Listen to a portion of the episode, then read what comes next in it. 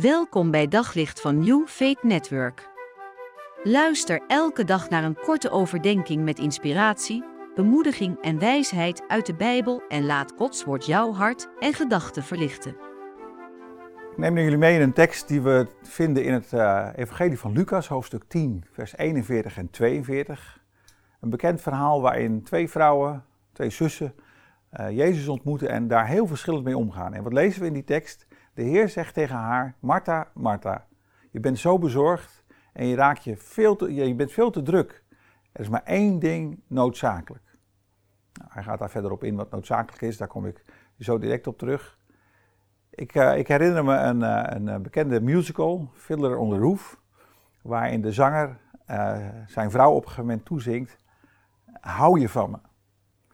En al zingend gaan ze dat gesprek aan over dat van elkaar houden. En zij vraagt zich af of het wel legitiem is na 25 jaar.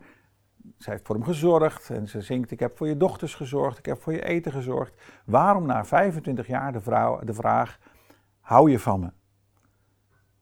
Dan kom je bij de motivatievraag: waarom doe je iets? Waarom doe je iets voor een ander?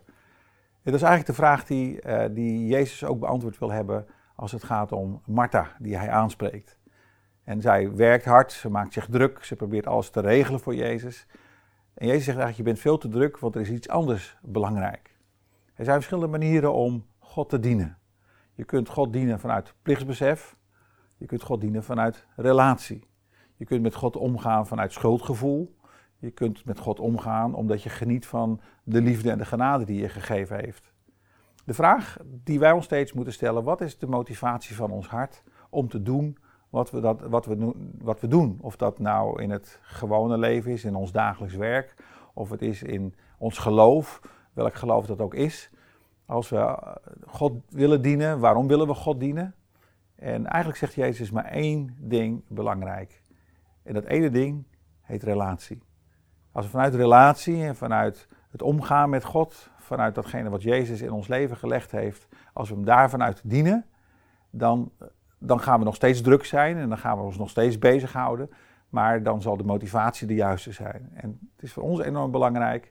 En dat is ook de uitdaging die ik je vandaag mee wil geven.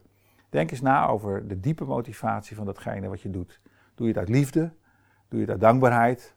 Of doe je het uit plichtbesef? En dat maakt een heel groot verschil. Op zoek naar nog meer geloof, hoop en liefde. Op New Faith Network vind je honderden christelijke films, series en programma's. Nog geen lid? Probeer het 14 dagen gratis op newfaithnetwork.nl.